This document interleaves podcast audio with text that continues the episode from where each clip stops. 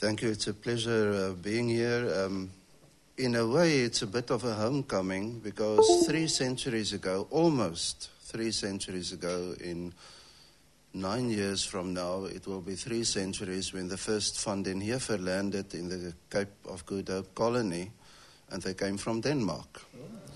Um, they, um, as far as I could reconstruct it, these were Frisians who lived in Schleswig Holstein, which was then mm. part of the southern counties of the Kingdom of, uh, uh, of Denmark. Um, so.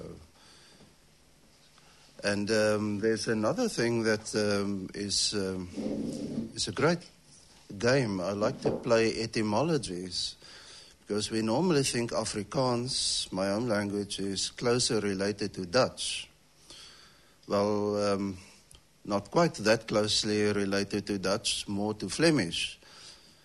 But I often find there's greater correspondence between that, uh, Afrikaans and written Danish.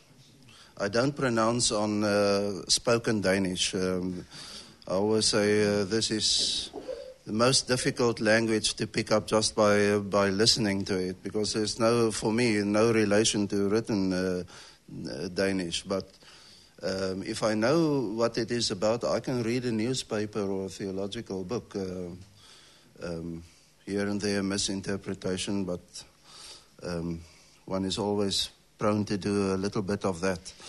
So um, uh, I'm happy to be here also because uh, many of you are um, students of UNISA and um, uh, Morton is uh, also affiliated to our department.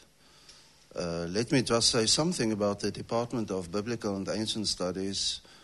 We're one of the large federal departments uh, in the university. Um, um, it started with a merger of ancient Near Eastern studies and Judaica and Hebrew and modern Hebrew with the, the then Department of Old Testament.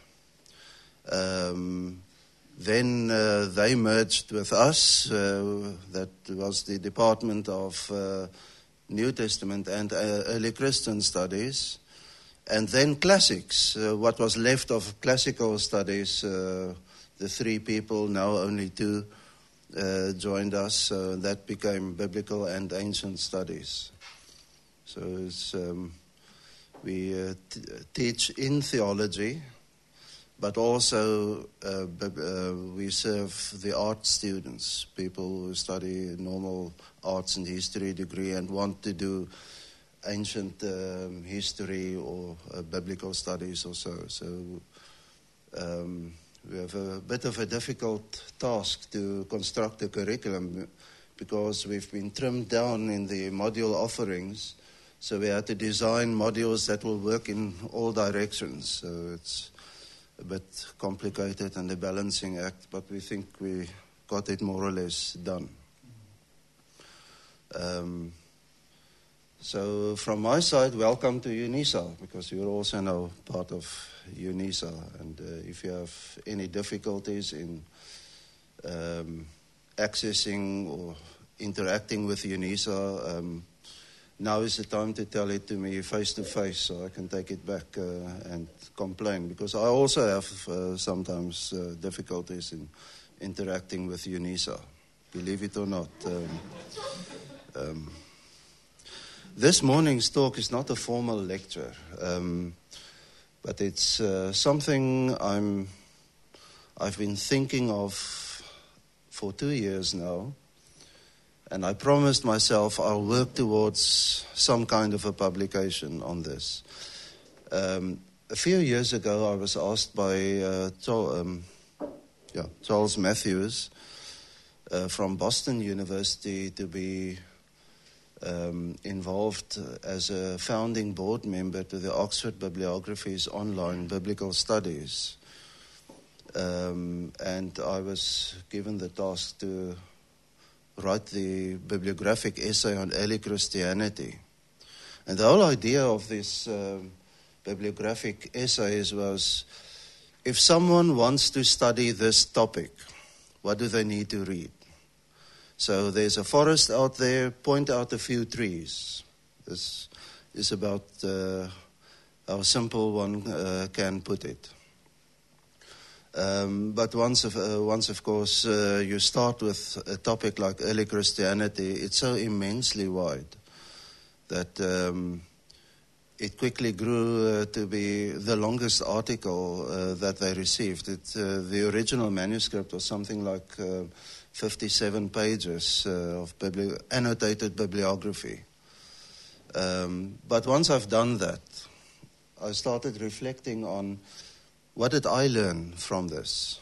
Um, so if I want to write a history of early Christianity, what would be the kinds of principles uh, that would uh, steer such uh, a kind of process? And some of you will have seen uh, um, on my UNISA that I use this as a recommended document for students um, enrolled for some of our um, uh, honors modules. That at least here's a resource.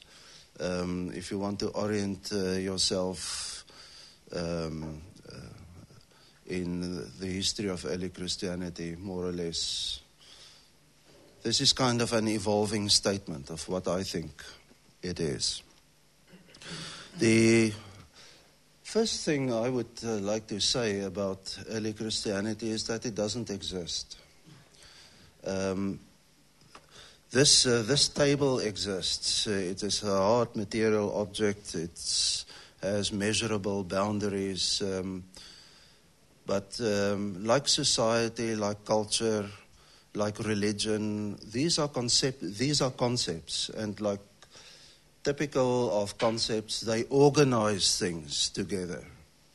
So um, you can't point to an object say that is society um, society, the term or culture is that loose kind of magnet that in your head draws in a certain context and for certain purposes draws things together that you can say, okay, um, for me, society is that. For me, culture is that. So, in that sense, early Christianity um, does not exist.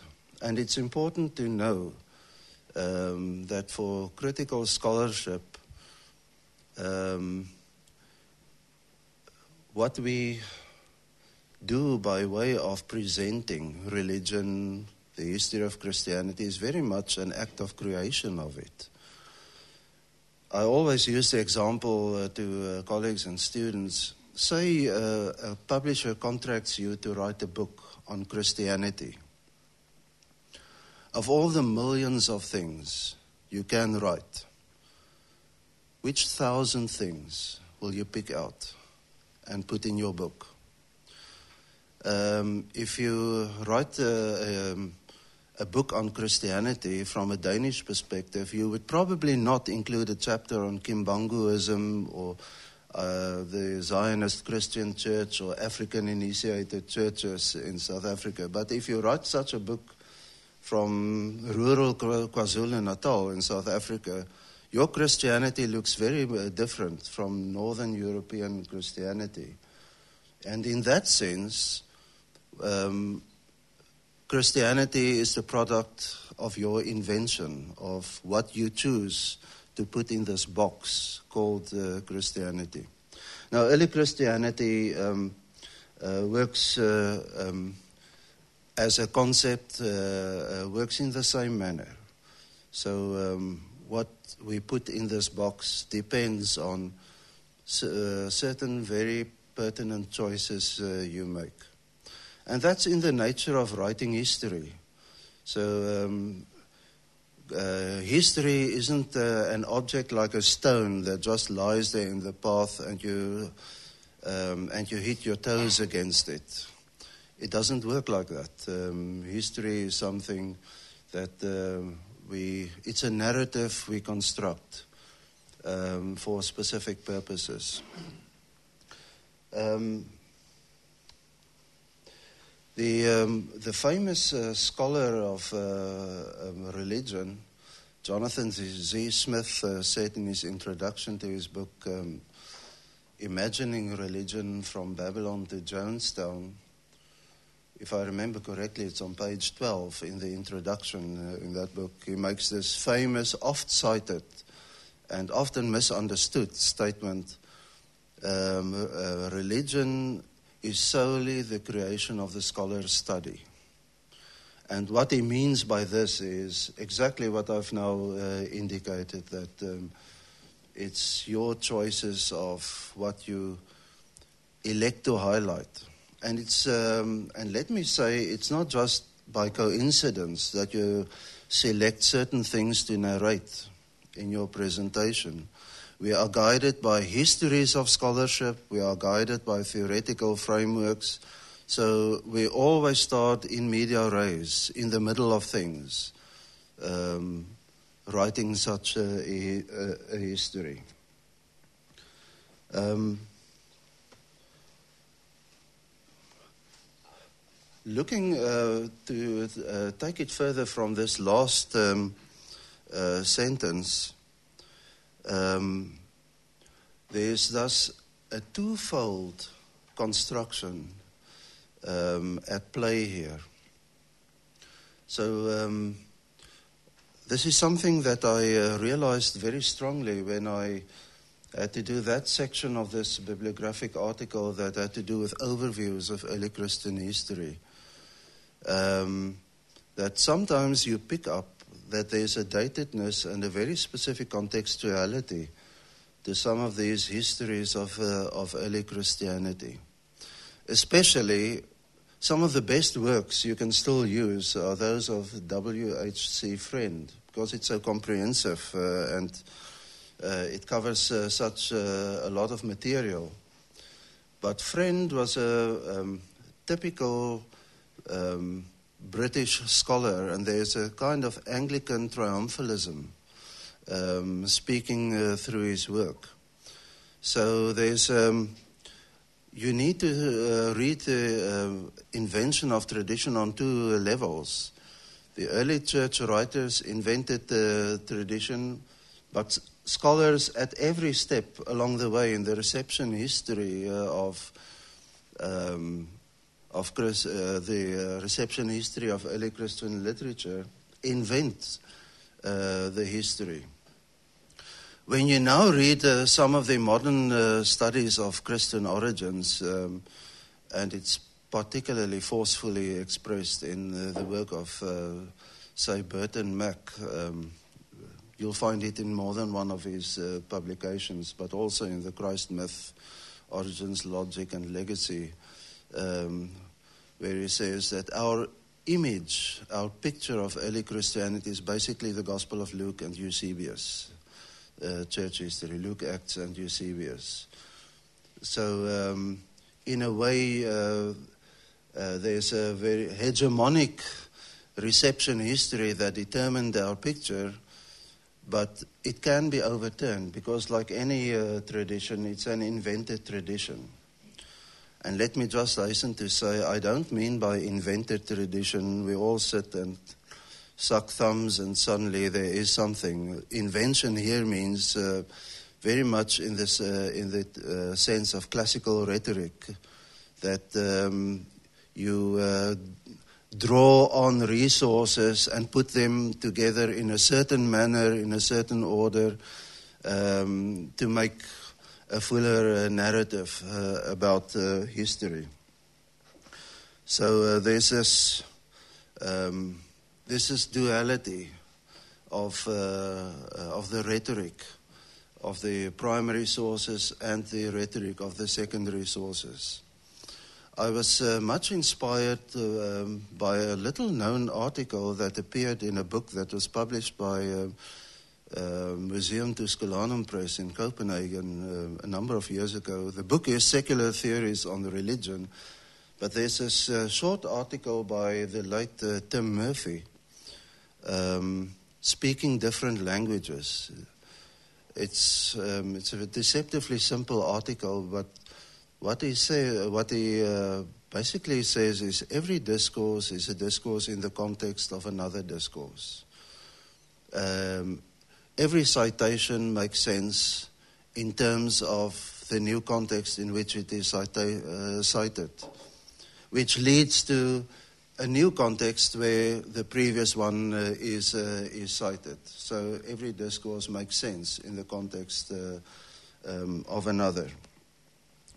Um, which, uh, which raised for me the question uh, when I um, read, studied these overviews of early Christianity is you get these rows of citations and references uh, to primary sources as if those primary sources are transparent um, to the context they speak about.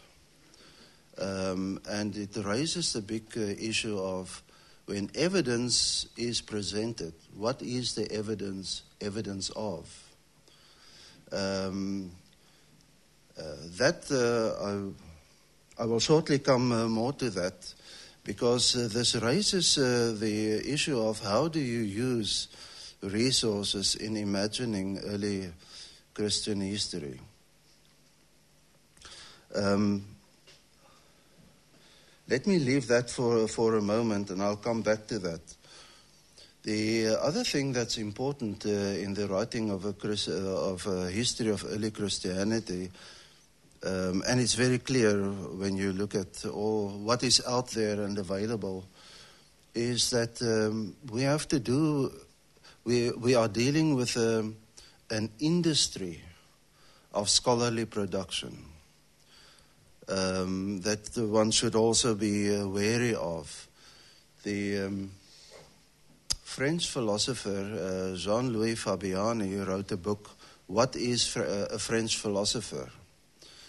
Um, and in this book, he said French philosophy doesn't float just there, immediate in the air. It's constructed through who gets PhD grants, who gets published and where, who gets cited, which, which conferences are organized, um, who decides on the, um, the conference topics, who decides on uh, whose grants get accepted. So there's behind the scenes, there's a whole set of forces working to construct the accepted um, idea of what is French philosophy. Now, if you have been able to attend as an outsider, like I do, some North American conferences like the Society of Biblical Literature or the American Academy of Religion, you will see how this uh, plays out in the way the, it's literally a battlefield out there. Um, in, um, for, for instance, with the North American Association in the, for the Study of Religion on the one hand, and the American Academy of Religion on the other. They are set up as opposing rhetorical forces. how you, uh, how you theorize and define religion, but also within the Society of Biblical Literature. What is the style uh, of work? What are the accepted kinds of um, uh, um, program units uh, and the uh, um, accepted uh, topics?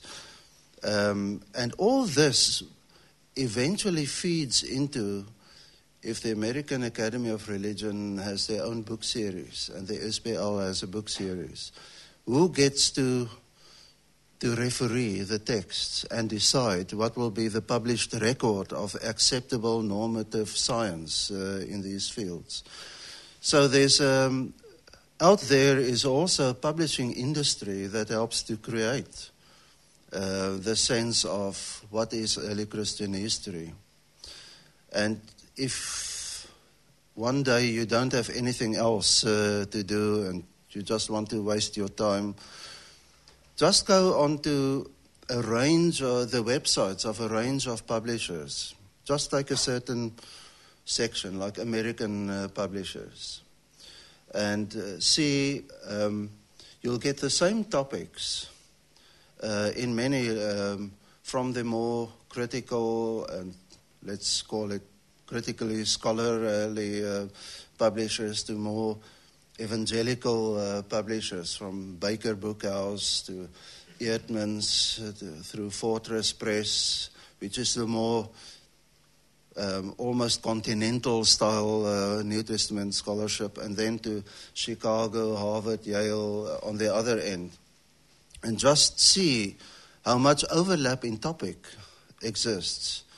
Um, everyone has a, um, has a kind of book on early Christian history. Everyone has a book on the formation of the canon. Um, but they all do it uh, from different perspectives, serving different uh, audiences.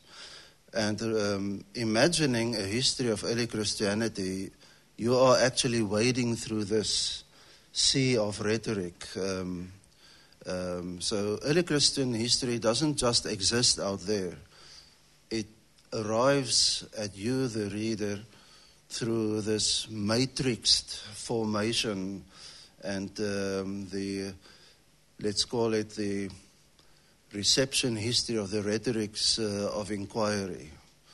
Um, uh, and that's where we today receive it and pass it on to the next uh, generation. Um, um, we're just conduits standing, swimming in the stream that, that flows uh, all around us. Now, to uh, get back to this question of what is the evidence evidence of, one thing um, and it's uh, extremely difficult to really do this consistently because you can only do this with small bits of detail. Is um, how do we account for the same kinds of textual features in a range of ancient sources when we want to um, construct a global picture of the emerging uh, Christian culture. And what I mean by that is uh, simply this. Um, it is uh, perfectly au fait uh, to accept um, when you study literature, modern literature, to say to speak of text acts or speech acts. That every uh, act of communication functions uh, on three levels. Say the locative, the illocative, the perlocative. The locative is the literal contents. The illocative is what is not said, but what det- like the context, but that determines uh, um, how you decode the meaning. And the perlocution is the purpose uh, for which it is said, what it is trying to achieve. Now, the illocative and the perlocative is not explicitly uh, expressed in the te- uh, explicit text base. Um, you need to re- you need to imagine it. You need to reconstruct it through difficult work. But now you have an ancient text, um, and you often find in these introductions to Christianity just a reference to, say, Tertullian said this. But what is the purpose of the whole text? What is that everything uh, that is uh, being achieved here? And the, the history that is being evented there is how that, that action that is performed by writing this text. But that action that is performed by, say, Tertullian in that context disappears from history. We don't write about that. We just cite the contents of the text. I hope you get my point here. Um, um, what is getting so difficult uh, about writing a history of uh, early Christianity? What is the evidence actually evidence of? What was the action that was performed? Uh, and you need to construct that performance context, the action uh, itself in that context, and that's often outside of the text. And in a way, much of that performance and action, um, even with regard to the biblical text, is outside of the text. Um, James Barr once said in a lecture that um, he found his model for interpreting the Old Testament in the Psalms. Um, he didn't explain that, but the way I figured out what he means is here you have uh, humans speaking expressing their emotions, their feelings, their hopes. Um, and that um, in the Bible you have basically the human voice of how they react to something, but that something they react to is not expressed in the text itself. And this is what I mean by that action that is performed is outside of the text, but you need to recreate it in order to say what is this the evidence of. In um, Antoinette Clark's uh, essay on um, history, or a book on history theory text. But she also wrote uh, um, one of the essays in the Oxford Handbook of Early Christian Studies um, in a similar vein. Um, she brought this theory of history and theory of textuality to bear on uh, the study of early Christianity. So, um, uh, the only access we have to early Christianity is through a textual tradition is through printed texts. And at every step of the way, these texts um, leave traces of the inter- industry that produced them. Uh, even if, uh, for instance, um, we, um, well, uh, I've spoken about the modern uh, publication industry, but even if you go back, say, I want to read primary texts, if it's the Source Chrétien or the Fontes Christiani or the uh, Griechische christliche Schriftsteller um, or whichever text, or the Novum Testamentum Graece, what do we interact with? Um, starting from today, that New Testament, uh, you interact with the committee that, um, that translated the text you interacted with a publishing industry that prints Bibles only on certain kinds of paper that are produced only in certain places of the world um, for a certain purpose. It, there's a reason why it's only a certain kind of paper. Um, that committee that translates uh, the Bible did so in accordance with certain principles of translation, which connects to modern theories of translation and revisioned uh, theories of grammar. The Afrikaans uh, uh, Bible translation of 1983 was um, very much advertised as this is the Eugene Nida, Jannie Louw, um, um, the new kind of grammar of, uh, of New Testament Greek, so it's absolutely scientific uh, and so on. It was really advertised as that. I had Jannie Louw as a professor, and uh, we learned all about this new kinds of transformational generative uh, grammar. Um, but beyond that, um, you, try, uh, you work with an ancient text, whether it's a, a new te- a critical edition of the New Testament or critical edition in any, of any of the authors in the Source Chrétien or whatever. None of those texts that are there in a printed form actually exist. There's not a single manuscript in the world that looks like the Nestle Aland 28. It's, um, it's a completely artificially produced text uh, for good reasons, and there are theories why it should look like this. But there's not a single manuscript that looks like that.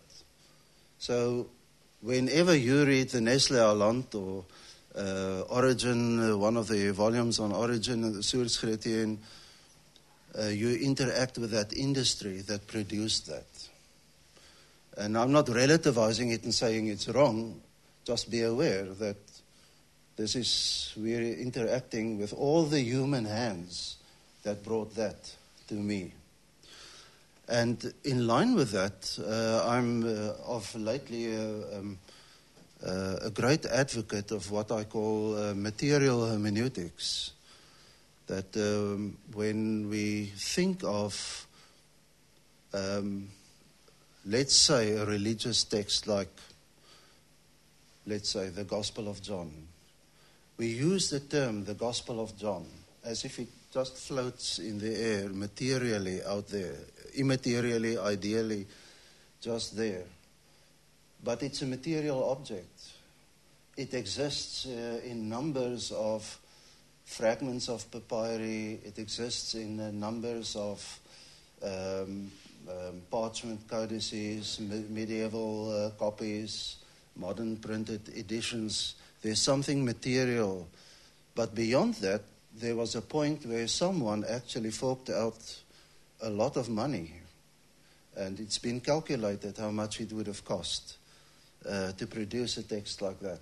Uh, first roll of uh, papyrus scroll, how many um, folios at so many drachma, drachma, um, and you paid for a scribe, um, and they would take so long to write this, um, and their daily wage, etc. It's not, it's not a fortune, but it's not cheap either.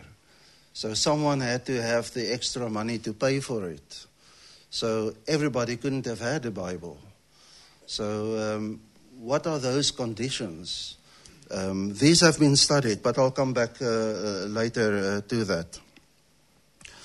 Um, just a final note on this issue of what is the evidence evidence of. Um, and this uh, shows something of the concrete um, implications of such a material kind of hermeneutic.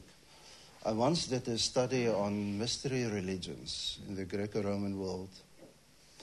Um, and uh, if you follow the scholarly um, constructions, discourse on mystery religions, um, Frank Walbank or Antonio, Antonio Tripolitis uh, or Peter Green's uh, book, uh, Alexander to Actium, uh, they all present a picture of um, it's an age of anxiety.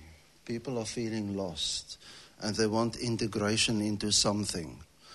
Um, and they all draw on uh, early 20th century scholarship uh, relating um, the mystery religions of the Greco Roman world with the late 19th century scholarship from James George uh, Frazer on, uh, on vegetation religion and you know, back to nature. But once you cluster all of this as a scholarly trajectory, you find that the only thing they present to you is a cultural criticism of the Industrial Revolution in late 19th century Britain. Back to nature, um, where everything is whole and hearty, um, um, so that when we now read the classical works on mystery religions, this still codes the cultural uh, criticism of a late 19th century uh, Britain. So, um, scholarship is immensely complicated um, in that our access to the past goes through all these layers of interpretations and interests and that is why uh, some of you will see uh, in, um, um, in the, uh, on the Mayonisa page that I've uploaded there Bruce Lincoln's um, essay thesis on method. It's only three pages long, but I think if you if you never read anything else of Bruce Lincoln, that's the thing to read, um, because he um, he makes a, a, very strong point of that the tradition encodes very strongly a number of built in interests. So, in our picture of history, we also we don't uh, paraph- only paraphrase the past, but we actually speak to our present. We construct a history that is useful to us today. Um, and this, and I don't mean this in a negative sense.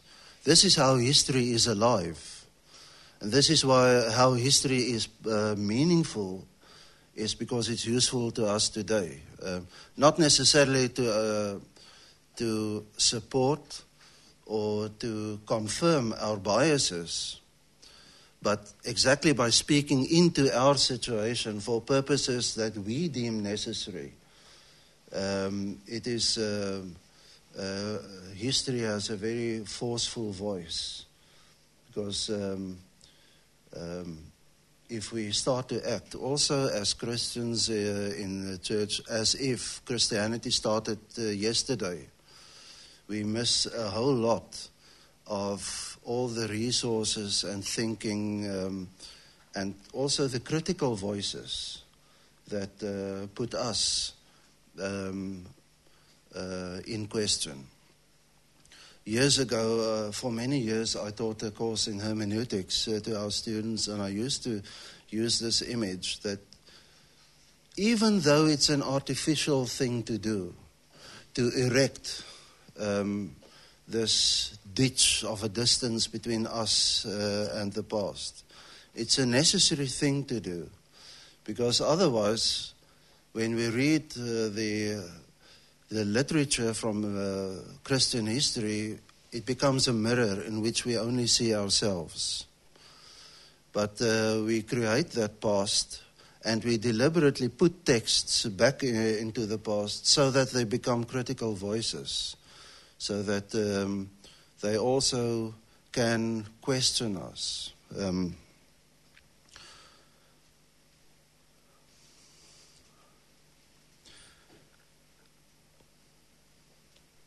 one of the ways uh, where this um, uh, becomes really uh, quite uh, politically important is in the debate on the parting of the ways between Judaism and Christianity in, in the late ancient world.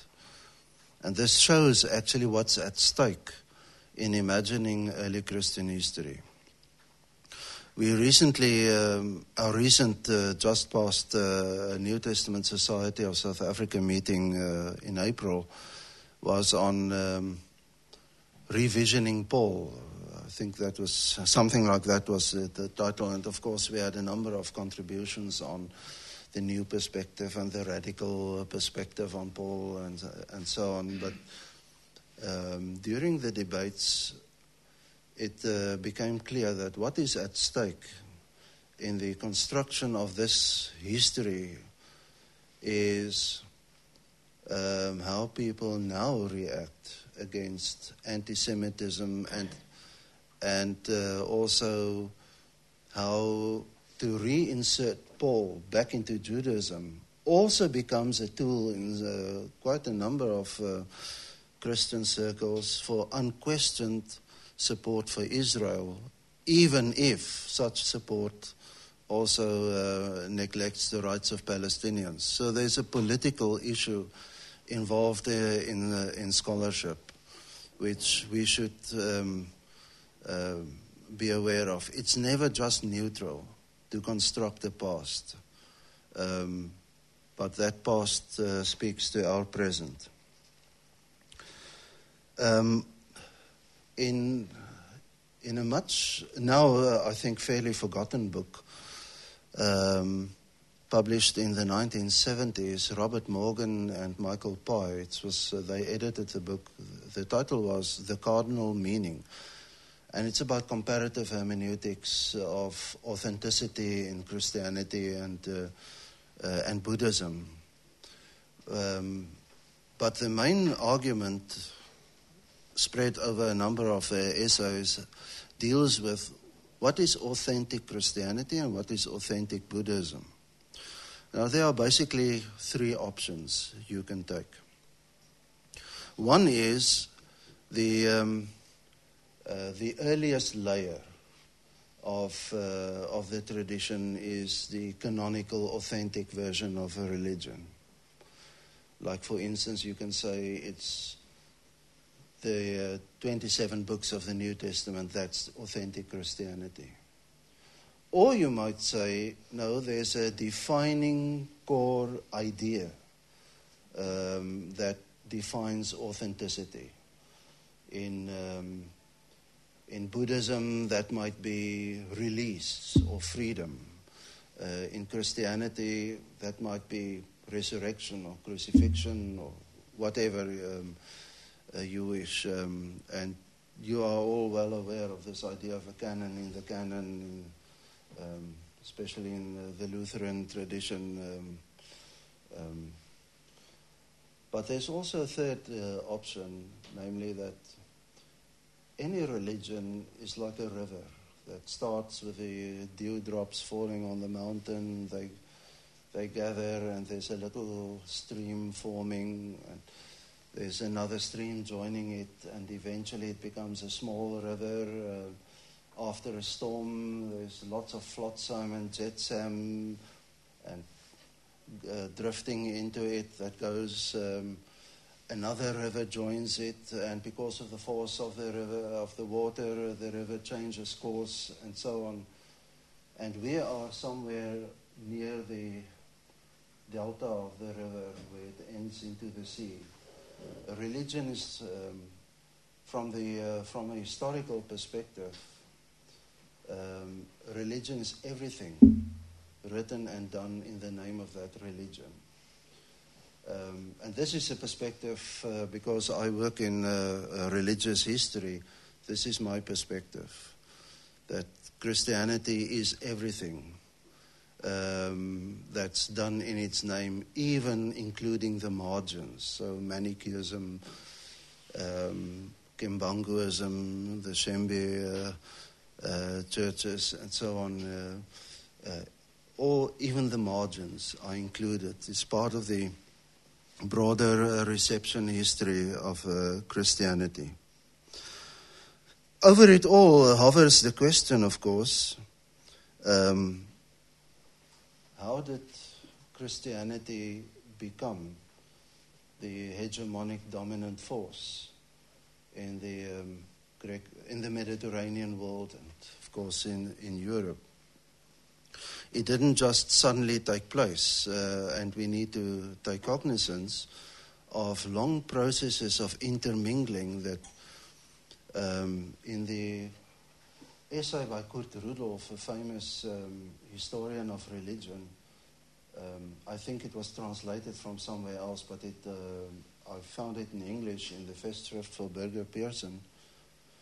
Um, um, he ends um, this essay with the words from the uh, from the perspective of history of religions, there's never been a pure religion. And the same uh, uh, is true of Christianity, um, but the same with uh, Judaism. At no point is there a, a pure, immaculate beginning. Um, it, uh, you're always in the middle of discourses that already uh, set the agenda.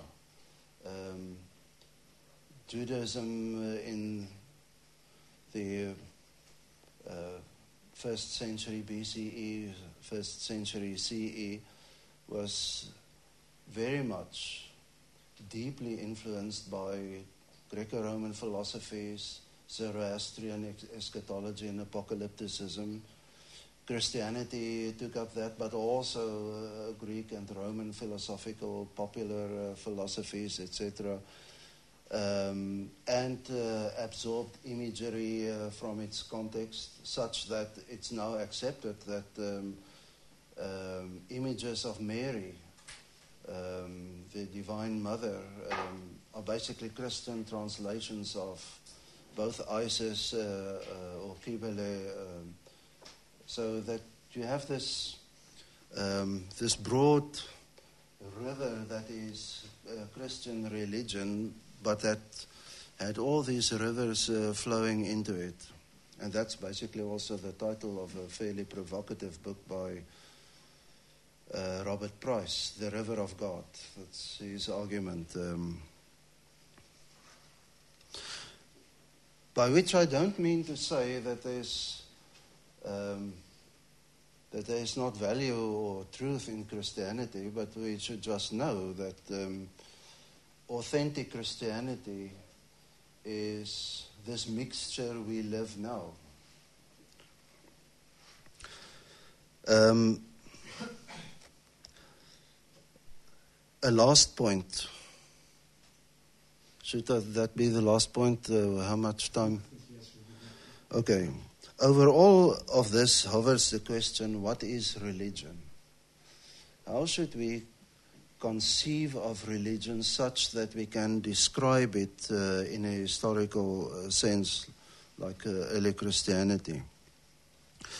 Um, it also connects with broader issues of what is identity and what is culture. Um, in if you are able to follow current debates on the issue of theory of religion and definition of religion in especially in North American circles.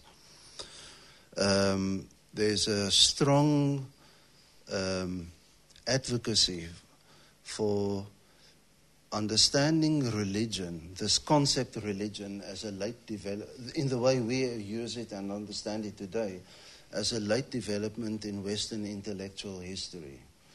Uh, Brent Nongbri's book, Before Religion, uh, summarized a large part of the debate, but Jonathan Z. Smith was the first actually to, to really put it out there in his article, Religion, Religious Religions, in um, critical terms for religious studies, that up until the Spanish discovery of the New World, um, religion, religio, basically meant the liturgy of the Catholic Church.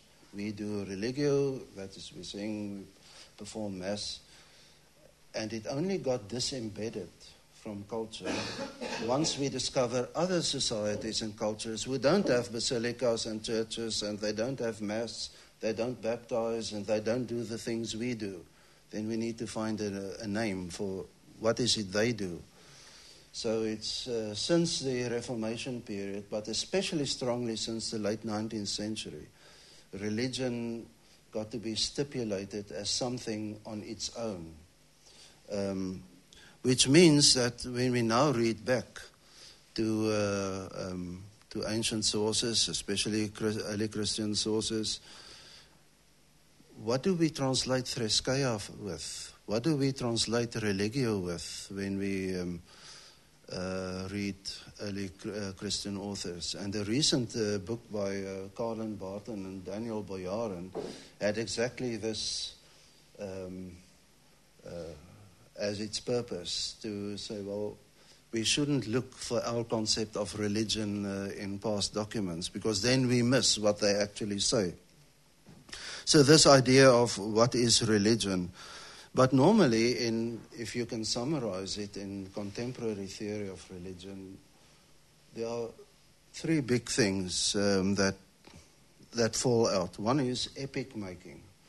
Epic is the big narrative you construct for yourself. In, um, the images you circulate, the stories as examples. Um, the histories you resurrect and put in a, in a pattern and appropriate for yourself. That's in the sense of a national epic. That's um, like in South Africa in a certain period uh, of our history, especially among Afrikaans uh, people, the, the Great Trek and Blood River. That was part of our epic. Um, we won the land through our blood. Uh, um, that's why it's God given. That's what is called an epic. Um, myth making is the other one. Um, and myth is not to be understood in the sense of false stories or thumb, thumbs up stories, but rather in the modern French sense as stories with a secondary signification.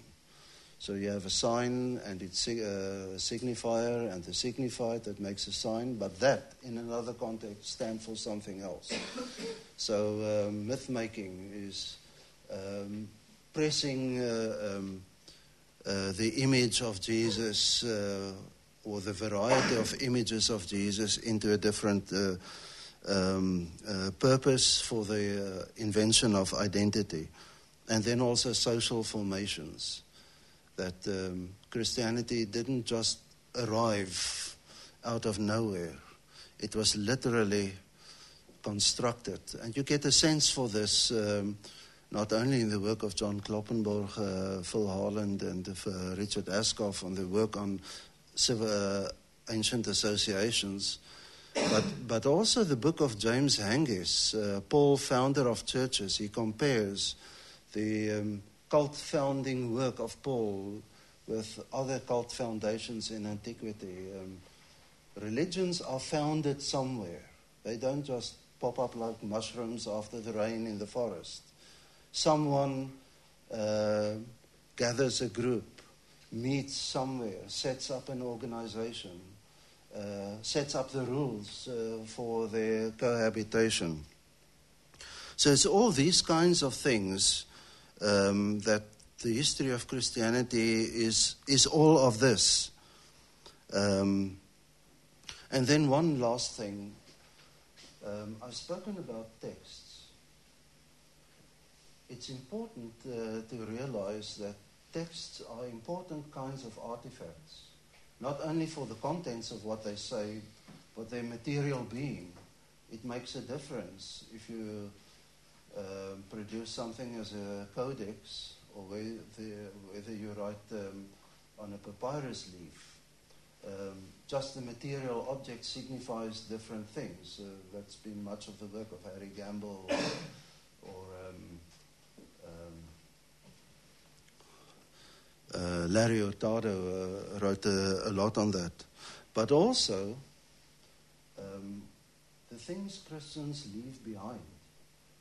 Um, if, for instance, you never had the letters of Paul and only the frescoes of the catacombs in Rome, you would never have guessed that Christianity is a religion in which the, uh, the cross and the crucifixion is central because it doesn't appear in those um, self presentations of the meaningful images of early Christians. Um, they had other images that are, are meaningful.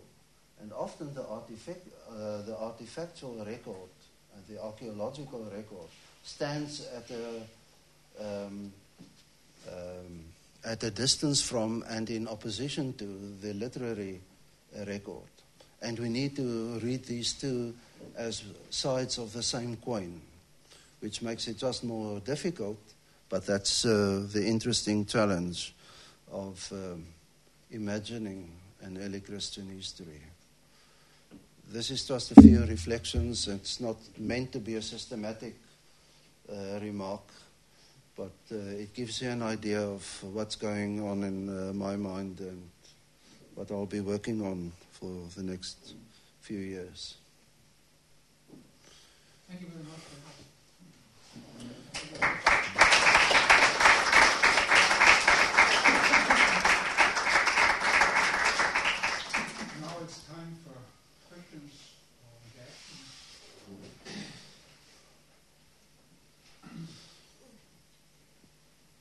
Yes, Martin. Yeah, uh, if I can just say that uh, that uh, article that has been distributed to us, um, well, it's just uh, it's a gold mine for books and uh, renowned sources that uh, you can go and take a look at.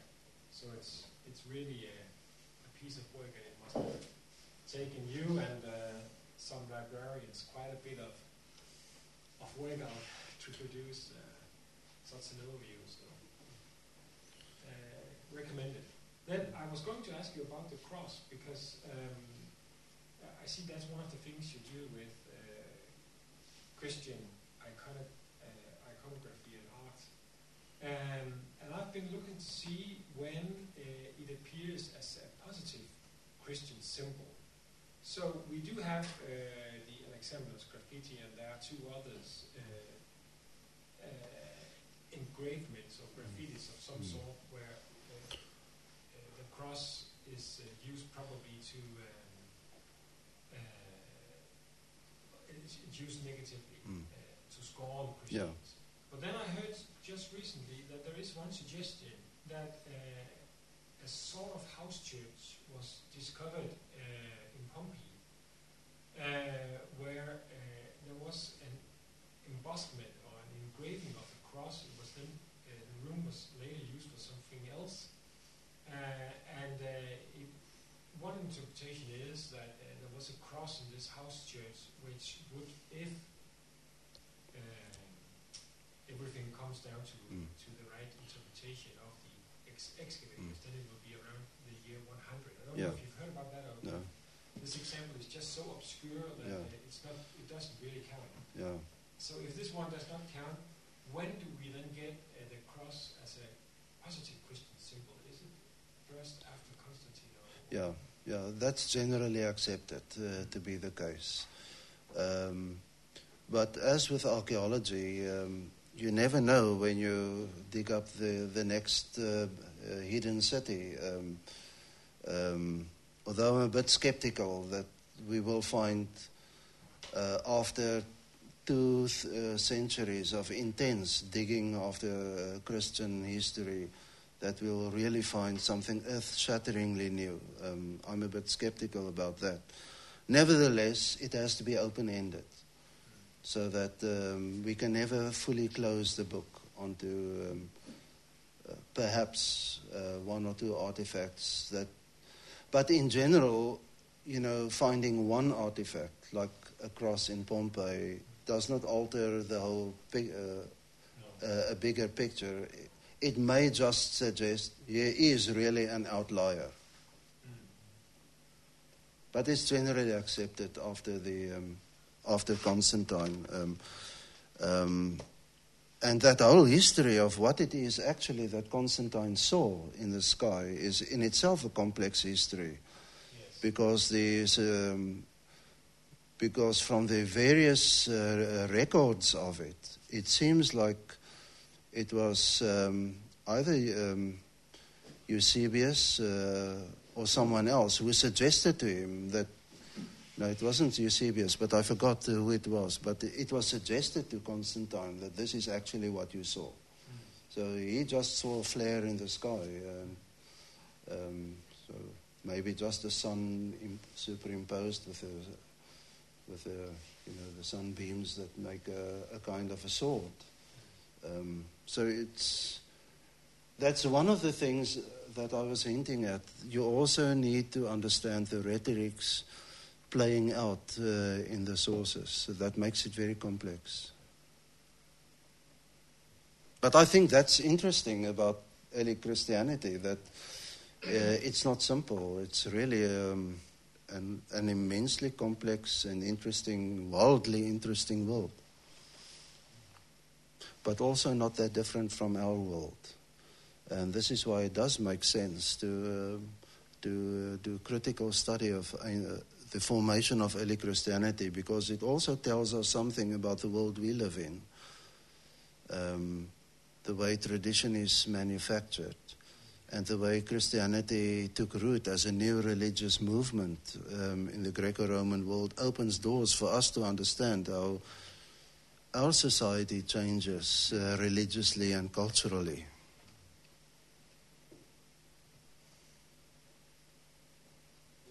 Yes. Thank you for the time and thank you for sharing your, your thoughts. Um, I am. I'm thinking about this idea that, or this natural idea that uh, when we deal with history, uh, we are actually creating or inventing history. Um, now that this is the way we deal with history, um, you said that we do not do this to confirm or strengthen our, our biases. Um, that seems to me exactly like uh, well, a danger in the, in the way we deal with history. Well, how do we a- avoid to invent a history that just strengthens or confirms our biases?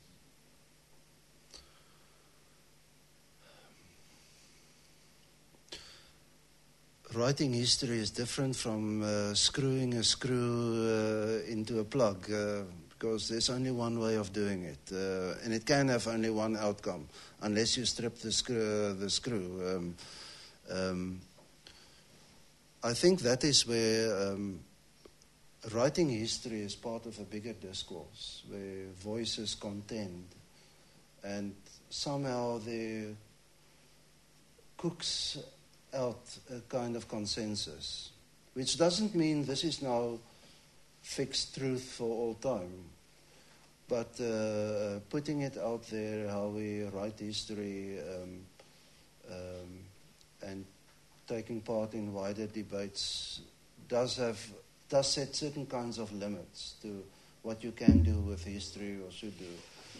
Of course, there's no law against inventing, just go to town and invent history in the way you want. You can do it if you want. But the moment you enter into public debate about that history, your use of history, and your use of sources becomes criticizable and falsifiable. Um, so I like to see it as a kind of put it out there, there's a debate, and um, you get a clearer sense of what did I do here? Um, did I do it right? Did I do it wrong? Or, um, or in a kind of debate, uh, your interests will be made clear for you. A psychiatrist uh, once told me um, it in this way that my unconscious is your conscious. What I don't know about myself, you can see and tell me, and the same otherwise. And in debates about the creation of history, I think it will work in the same manner. Yes, one last question.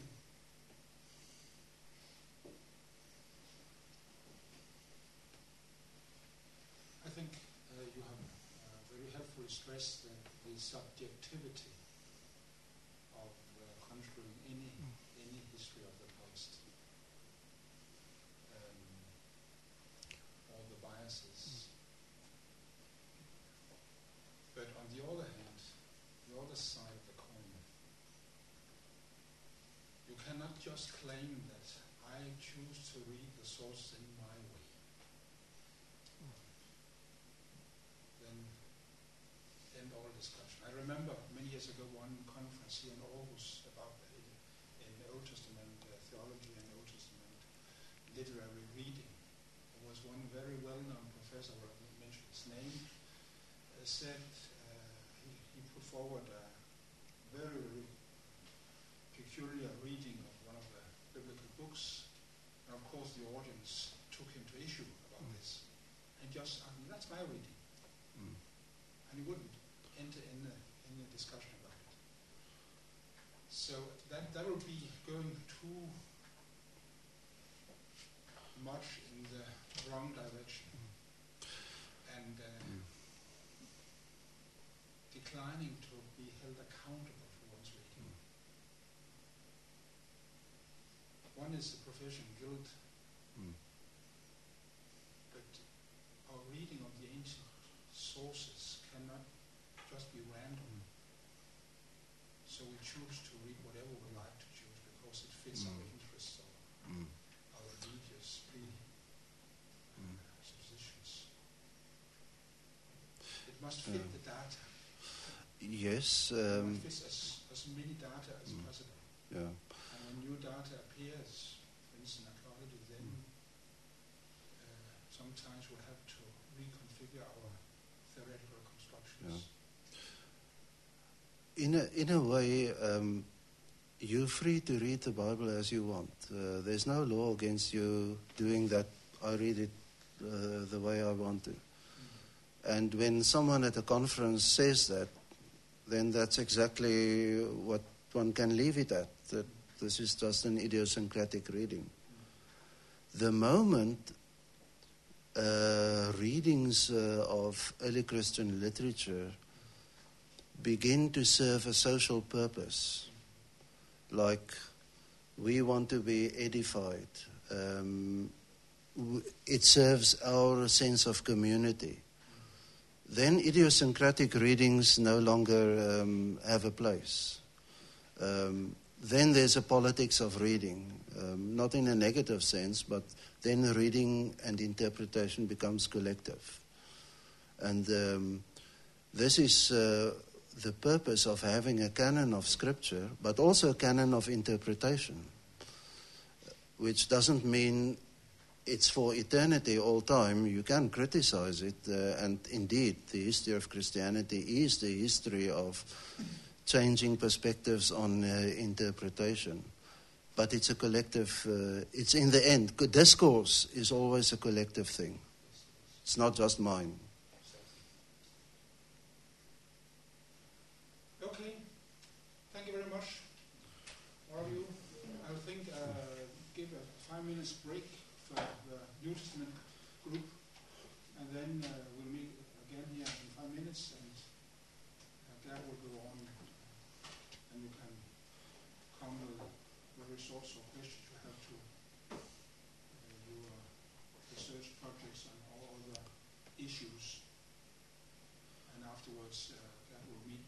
those who have him as their particular supervisor. So, thank you. I thank you. It was a pleasure. Thanks.